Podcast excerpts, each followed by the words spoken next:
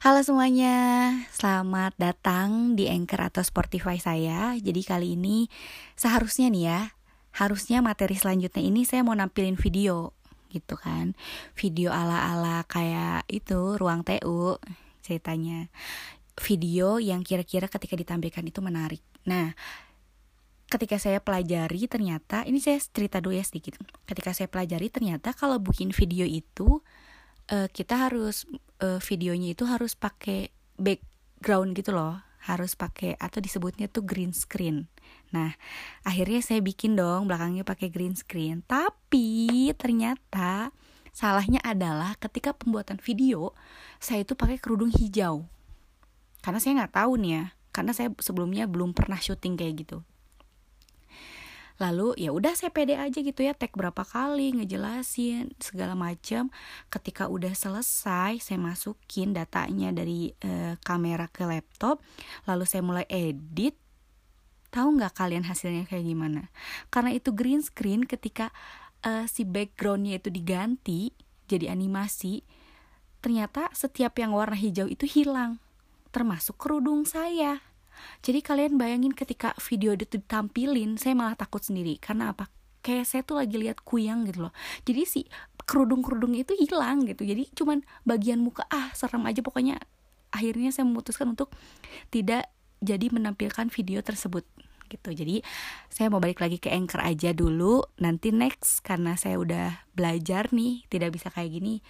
Uh, insya Allah nanti minggu depan kita bakal ngebahas yang lebih menarik lagi gitu ya apa sih yang bakal kita bahas sekarang? Kita bakal ngebahas bagaimana atau bagaimana bumi ini bisa terbentuk, ya. Kita bakal ngebahas tentang evolusi bumi, ya. Coba kalian bayangin, ternyata evolusi itu bukan hanya manusia aja. Ternyata bumi juga berevolusi. Tapi sebelum bumi berevolusi, kita itu kenal sebagai uh, satu kesatuan, ya kita itu sebelum terjadinya bumi, kita itu adalah satu kesatuan dengan alam semesta lain. Jadi bumi, matahari, bulan, planet, dulunya itu mereka itu dalam satu bagian atau satu bola besar. Jadi kalian bayangin tata surya ini tuh kosong, terus tiba-tiba ada satu bola besar. Nah, si bola besar ini cuma satu. Nah, tapi lama kelamaan bola besar ini padat ketika padat, menurut teori Big Bang nih ya, ketika padat, suhunya itu semakin tinggi. Semakin tinggi berarti semakin panas dong ya. Nah, ketika bumi ini, sorry, bukan bumi. Ketika si bola ini semakin panas, karena kan berputar ya. Terus ketika mereka berputar, mereka itu semacam, kalau kata kita bilang mah kewalahan. Karena terus berputar, akhirnya si bola itu meledak. Dar. Meledak. Nah, ketika meledak, jadilah tata surya yang kita kenal sekarang. Ada yang jadi bumi, ada yang jadi planet, lalu ada yang jadi matahari. Nah, tapi yang kita bakal bahas di sini adalah bagaimana si bumi ini bisa ditinggali oleh manusia seperti sekarang. Tapi sebelum kita lanjut ke tahapan-tahapan dari evolusi bumi, saya mau ngasih satu uh, lagu buat kalian semua. Ini ada lagu kesukaan saya. Mungkin kalian ada yang belum pernah denger, jadi mau saya kasih denger. Ini dari Chick and Soup, judulnya Favorite Afternoon. Check it out.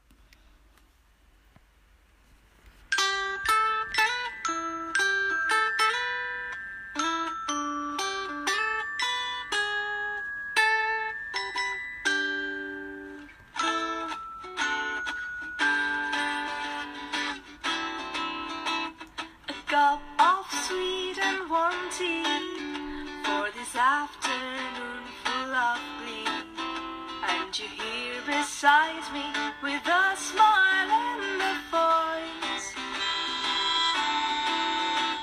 We're sitting at the terrace, enjoying the orange skies through the scuffs of tea. The conversation.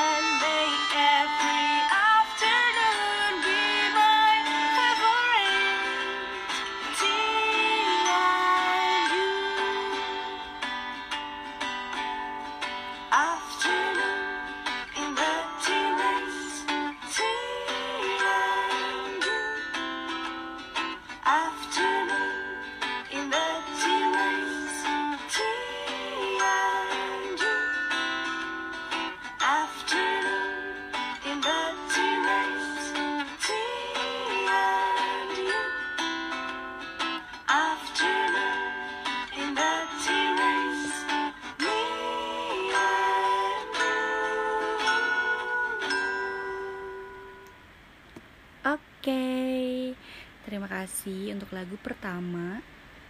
Dikasih lagu yang agak-agak semangat. Karena aku anak indie banget ya. Oke, kita lanjut dari eh, dari teori Big Bang, kita bakal masuk ke tahapan-tahapan evolusi bumi. Nah, sebelum kita ngebahas evolusi bumi nih ya, kalian harus tahu dulu evolusi itu apa. Evolusi itu kan perubahan ya. Jadi ada perubahan dari yang tadinya apa jadi apa. Nah, ternyata bumi ini sebelum bisa ditinggali manusia, bumi itu memiliki perjalanan yang panjang. Saya harap ketika beres kalian mendengarkan materi ini, kalian itu jadi sayang sama bumi. Karena jujur saya kalau belajar eh, tentang evolusi bumi, saya tuh ngerasa bumi itu eh, ada sejarah panjangnya, tapi kok bisa gitu bumi tuh kayak masuk masuknya sekarang tuh kayak hampir rusak ya karena nggak kita urus sama sekali. Nah ada empat tahapan evolusi bumi. Yang pertama ada Archaeum, yang kedua ada Paleozoikum, yang ketiga ada Mesozoikum, dan yang terakhir ada Neozoikum. Nah untuk zaman Archaeum ini ada zaman pertama. Nah eh, zaman ini tuh bisa disebut zaman purba ya, semuanya zaman purba. Tapi ciri dari zaman yang pertama ini adalah masa ini adalah merupakan awal perbentukan dari kerak bumi. Jadi pada masa Archaeum bumi ini dalam keadaan yang masih sangat panas. Karena kalian bayangin ini baru meledak-meledaknya gitu. Jadi bumi itu belum ada pohon, belum ada air karena dalamnya masih berisi gas panas gitu loh. Kalau kalian eh, bayangin ya, bumi itu keadaannya di mana-mana itu masih ada lahar. Lahar yang gunung itu loh, kalau gunung meletus ada lahar. Nah, keadaan tuh masih sangat panas sekali. Air air tuh kayak kalau kita bayangin tuh air tuh ngegolak gitu. Nah, kalau misalkan ditanya Arkaicum ini udah ada manusia belum? Belum. Jangankan manusia, hewan pun belum ada. Makanya Arkaicum ini artinya adalah zaman di mana belum ada kehidupan di dalamnya. Karena keadaan bumi masih sangat panas gitu. Yang kedua, kita masuk ke masa Paleozoikum. Kira-kira nih ya, zaman paleo ini berlangsung sekitar 2,5 miliar tahun yang lalu lah ya. Nah, pada masa ini mulai mulai terjadi perkembangan atmosfer ya. Jadi keadaannya tuh suhunya kan tadi tinggi. Nah, ini udah mulai udah mulai turun si suhunya. Nah, zaman Paleozoikum ini ditandai dengan munculnya kehidupan. Kenapa munculnya kehidupan? Apakah ada manusia? Tidak. Apakah ada hewan? Tentu tidak. Tapi zaman Paleozoikum ini ditandai dengan munculnya kehidupan baru mikroorganisme atau makhluk bersel satu atau bersel tunggal. Ya, apa aja sih masuknya? Biasanya anak IPA tahu ya hew eh, hewan makhluk bersel satu itu masuknya bakteri. Nah, bakteri ini muncul pada masa Paleozoikum. Nah, ini nih yang katanya cikal bakal nanti si sel-sel ini tuh ketika bersatu nanti munculnya jadi manusia, ada yang jadi hewan gitu loh guys. Nah, nah kita masuk ke uh, tahapan evolusi bumi yang ketiga yaitu zaman Mesozoikum. Kapan terjadinya zaman Mesozoikum ini terjadi pada 245 sampai 65 juta tahun yang lalu kira-kira. Nah, masa Mesozoikum ini disebut juga zaman sekunder karena pada masa ini mulai muncul makhluk hidup yang beraneka ragam. Selain makhluk hidup, ini juga zaman di mana munculnya tumbuhan. Nah, karena kenapa? Karena pada masa Mesozoikum eh, kondisi bumi ini mulai stabil. Belum ya, tapi mulai baru mulai stabil. Nah, iklimnya sudah bersahabat, curah hujannya udah mulai muncul dan kadang turun, jadi nggak terus-terusan hujan karena pada zaman sebelumnya kita itu pernah ngalamin yang namanya hujan tapi terus-menerus selama berpuluh-puluh juta tahun yang lalu gitu. Kalian bayangin kalian dikasih hujan seharian aja kan banjir ya. Ini terus-terusan hujan. Tapi kalau misalkan gak ada hujan pada saat itu mungkin tidak akan ada uh, lautan atau danau-danau seperti sekarang. Nah, pada masa Mesozoikum ini, uh, dia merupakan awal kemunculan binatang reptil, tapi yang berukuran besar. Kayak apa aja sih? Kayak jenis-jenis dinosaurus. Dinosaurus itu jenisnya banyak ya. Ada Brontosaurus, ada apa? Stegosaurus, lalu ada apa? Tyrannosaurus dan banyak lagi. Nah, pada masa Mesozoikum ini sebenarnya menjadi uh, apa ya zaman pertama munculnya makhluk hidup bertubuh besar juga sebagai akhir dari hidup mereka. Karena pada masa Mesozoikum itu pernah terjadi yang namanya hujan meteor yang begitu uh, heboh gitulah kalau kita bahasa sekarang mah. Jadi menyebabkan hewan-hewan bertubuh besar itu nggak bisa uh, bertahan hidup alias punah. Lalu pertanyaannya adalah bu kenapa ya kalau misalkan uh, penyu itu kan hewan reptil? Eh sorry hewan reptil hewan purba. Lalu uh, komodo juga hewan purba. Kenapa mereka bisa bertahan hidup? Karena hewan-hewan purba yang bisa bertahan hidup sampai sekarang adalah dia yang bisa ngumpet istilahnya gimana gini lah. Ini hujan gede nih, yang nggak yang badannya gede ini nggak bisa ngiuhan jadi dia pasti kehujanan tapi kalau yang bertubuhnya besi ke kecil itu mereka bisa nyelip-nyelip di sela-sela mana pun sehingga mereka itu tetap bertahan sampai sekarang gitu loh oke kita mau lanjut ke tahapan yang terakhir yaitu zaman Neozoikum nah di zaman Neozoikum ini disebut sebagai uh, zaman atau kehidupan yang baru ya. Karena pada masa ini ini mulai muncul hewan-hewan primata sama manusia jenis awal. Manusia jenis awal itu apa sih? Manusia jenis awal itu semacam manusia purba gitu loh. Nah, kalau misalkan kita bagi lagi jadi empat tahapan ini, eh, kesimpulannya adalah arkaikum, belum ada kehidupan karena bumi masih dalam keadaan panas. Lalu Paleozoikum ini mulai muncul makhluk bersel satu. Lalu Mesozoikum mulai muncul tumbuhan, keadaan bumi sudah semakin stabil serta sudah mulai adanya muncul hewan-hewan purba bertubuh besar. Sedangkan zaman terakhir yaitu Neozoikum di mana sudah mulai muncul manusia jenis awal, serta primata. Nah, kita mau lanjut ke zaman tersier dan kuarter, tapi sebelum itu saya mau kasih satu lagu lagi buat kalian dari Ariana Grande dan Justin Bieber. Check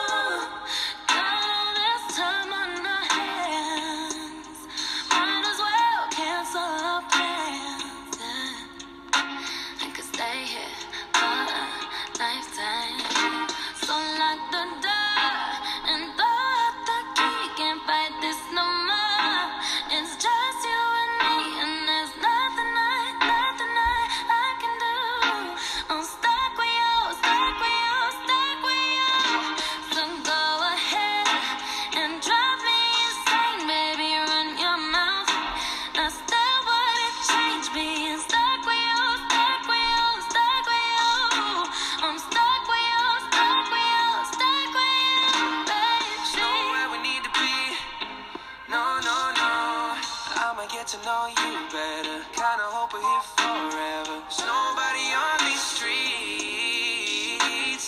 If you told me that the world's ending,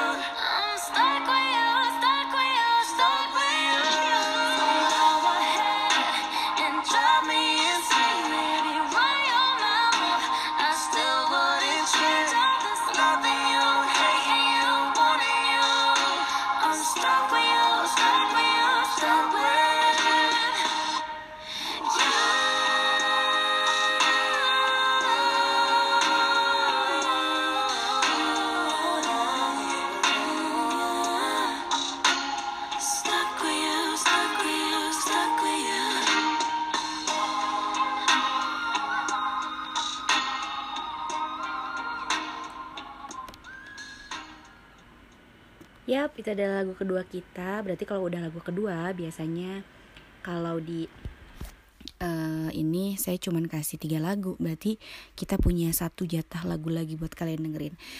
Tapi sebelum itu, kita mau ngebahas ke materi terakhir ini tentang zaman tersier dan zaman kuarter. Oke.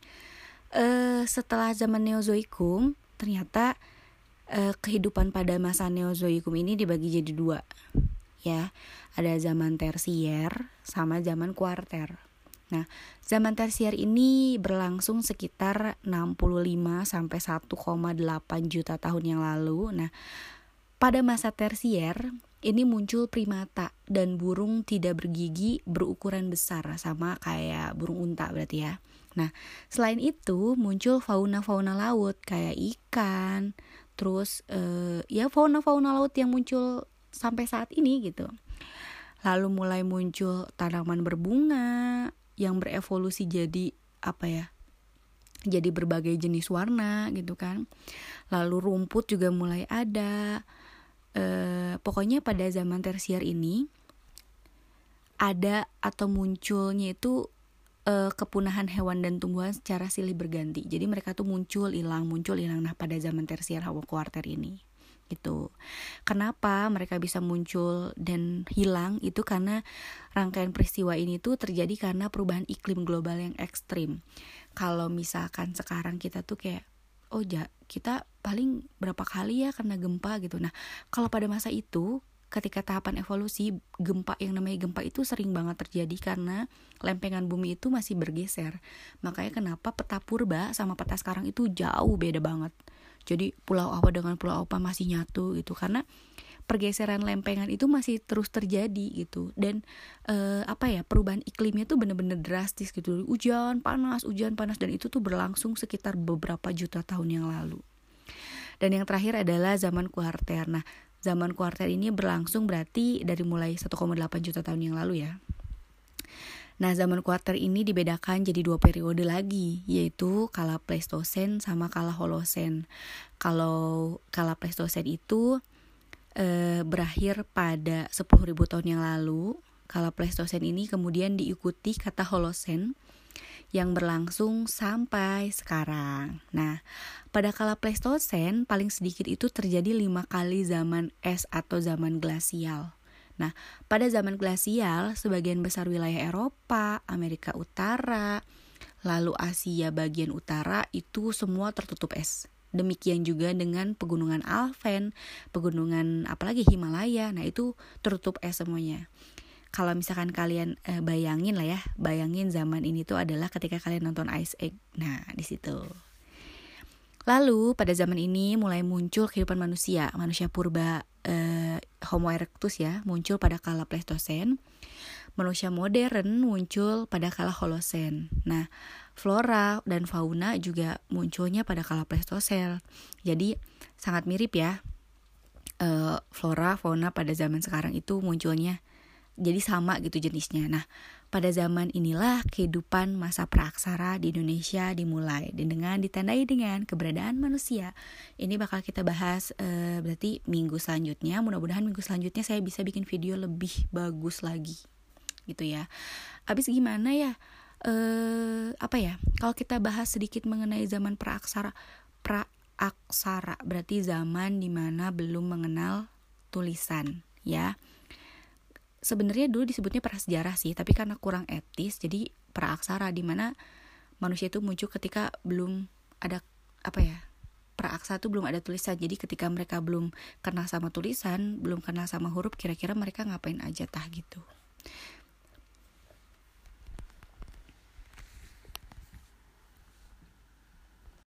Nah, jadi untuk pertemuan selanjutnya, eh, karena kita masih pembelajaran jarak jauh atau PJJ jadi kita tuh harus dituntut untuk belajar dari rumah. Tapi seperti yang saya bilang sebelumnya meskipun kita belajar di rumah kita harus tetap semangat layaknya kita belajar reguler oke? Okay?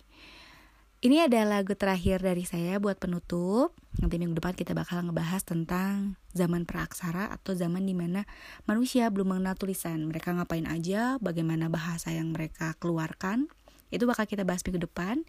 Uh, ini ada lagu terakhir untuk nemenin kalian semua dari Calvin Harris Feels Check It Out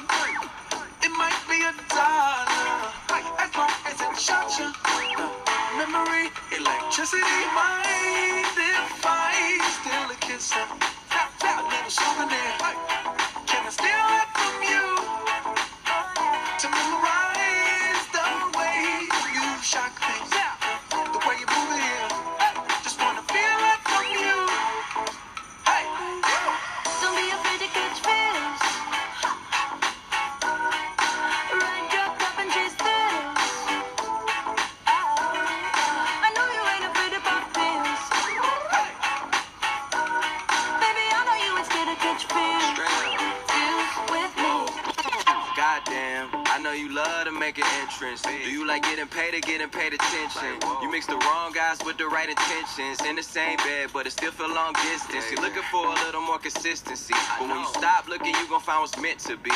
And honestly, I'm way too done with the hoes. I cut off all my exes for your X and O's. I feel my old flings was just preparing me. When I say I want you, say it back, parakeet. Fly your first class through the air, Airbnb. I'm the best you had. You just be comparing me to me. I'ma add this at you. If I put you on my phone and upload it, it'll get maximum views. I came through in the clutch, more than lipsticks and phones. Wore your fave cologne just to get you alone. Don't be afraid to catch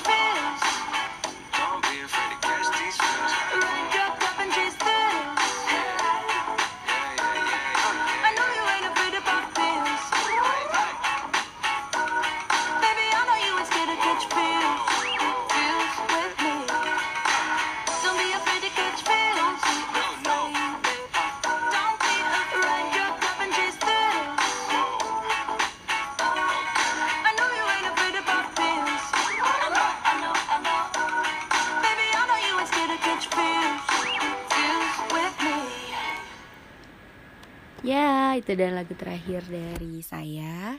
Sampai ketemu di eh, materi selanjutnya. Jangan lupa dicek aplikasi LMS-nya, lalu lihat ada tugasnya apa dan dikerjakan. Dadah.